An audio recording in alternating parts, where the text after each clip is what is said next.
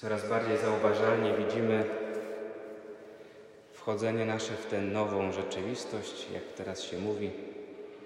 Jest nas więcej w kościele, są ministranci. Możemy także iść na spacer.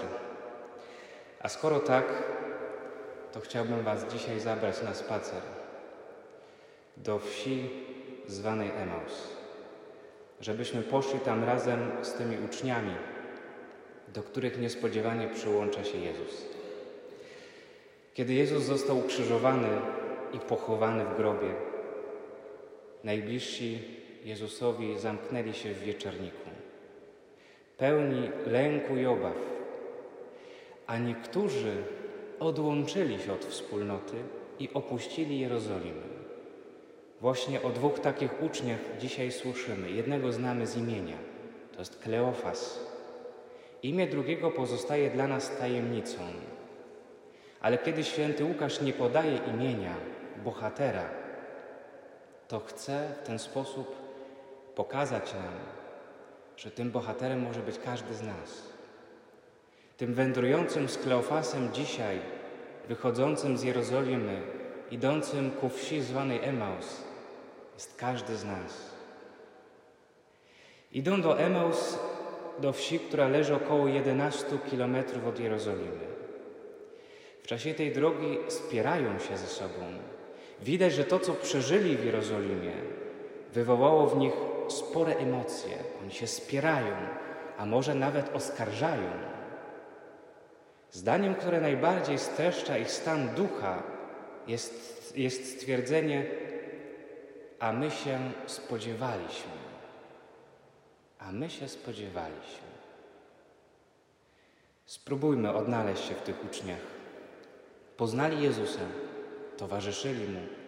Z pewnością widzieli nie jeden cud, nie jedno uzdrowienie, nie jeden egzorcyzm. Widzieli Jego moc, gdy uciszał żywioły albo karmił tłumy. Słuchali z zaciekawieniem Jego słów, choć może były nieraz trudne i niezrozumiałe. Ale czuli, że przemawia nie jak uczeni w piśmie, ale jak ktoś, kto ma moc. To doświadczenie Jezusa zostało brutalnie skontrastowane z widokiem Jego cierpienia, Jego męki, a w końcu śmierci na krzyżu. Nagle wszystkie nadzieje, jakie wiązali z Jezusem, zostały rozwiane. Uczniowie idący do Emaus to uczniowie, w których gaśnie nadzieja, która niegdyś była tak żywa. Ile razy zgasła w nas nadzieja z powodu trudnych doświadczeń, z którymi musieliśmy się zmierzyć? Czy i nam nie zdarzyło się nieraz rozczarować? Nie bójmy się powiedzieć wprost, rozczarować Bogiem. Czy nie czuliśmy się nieraz rozczarowani, myśląc, że postąpi inaczej w naszym życiu, że sprawy inaczej się ułożą, że może Bóg coś cudownie odmieni? A my się spodziewaliśmy. Czy z naszych ust nie wychodziły nieraz takie słowa? Co robią rozczarowani uczniowie? Odłączają się od wspólnoty i odchodzą z Jerozolimy. Kiedy różne sprawy w kościele, w domu, w szkole, chociaż teraz trzeba by powiedzieć w e-szkole, czy w naszej codzienności, może teraz nowej codzienności nas rozczarowują, wówczas odchodzimy. Chcemy się zdystansować od tego, co kojarzy nam się z porażką, z rozczarowaniem, z bólem. Do tego dołącza się często narzekanie, wzajemne oskarżanie, szukanie winnych. Wydaje się niezrozumiałe w tej Ewangelii, że uczniowie w nieznajomym, który w pierwszej chwili zdawał się nie znać sytuacji panującej w Jerozolimie, a potem wyjaśniał im ponownie wszystko, co w zapowiedziach prorockich odnosiło się do Niego, nie rozpoznali Jezusa. Nie rozpoznali od razu, chociaż On im towarzyszył w drodze, choć mówił do nich jak dawniej. Czy i to nie brzmi znajomo? Czasem wydaje nam się, zwłaszcza w momentach krytycznych naszego życia, że Bóg nas opuścił, że Go nie ma, że już do nas nie mówi. A jednak, jak widzimy, problemem nie jest Jego nieobecność, ale raczej nasza niezdolność do rozpoznania Go.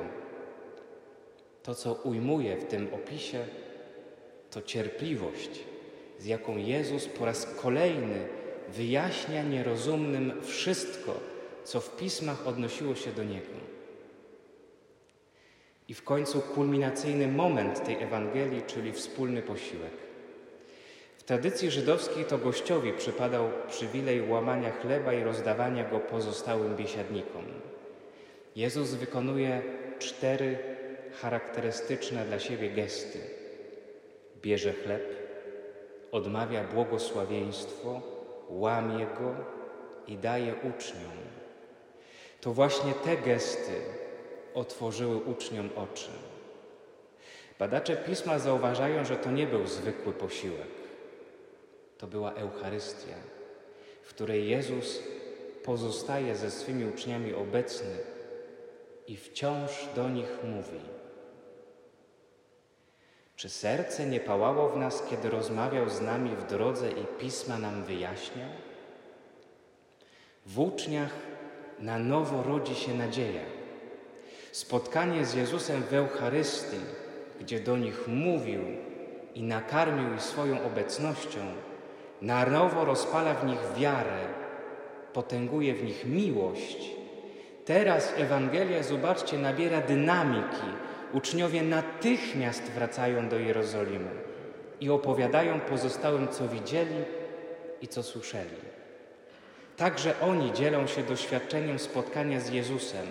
Na nowo rodzi się w nich wspólnota, a w niej radość wynikająca ze spotkania z Bogiem. Opis, który nam zostawił Łukasz, nie jest jedynie historycznym zapisem minionych wydarzeń. To doświadczenie przemiany, jakie wywołuje w człowieku prawdziwe spotkanie z Bogiem. Od rozczarowania do nadziei, od zwątpienia do wiary, od zniechęcenia do dzielenia się dobrą nowiną, od smutku do radości od poczucia osamotnienia do doświadczenia obecności Chrystusa. To może być także i nasze doświadczenie, które wyniesiemy z tej Eucharystii. Możemy wyjść z niej, spotkawszy zmartwychwstałego, pełni wiary, miłości, radości, motywacji, chęci do życia i podejmowania codzienności. Skorzystacie z tej możliwości? Pozwolicie, by i wasze serce pałało w was, gdy Jezus wyjaśnia wam pisma, łamie dla was chleb i towarzyszy wam w drodze waszego życia?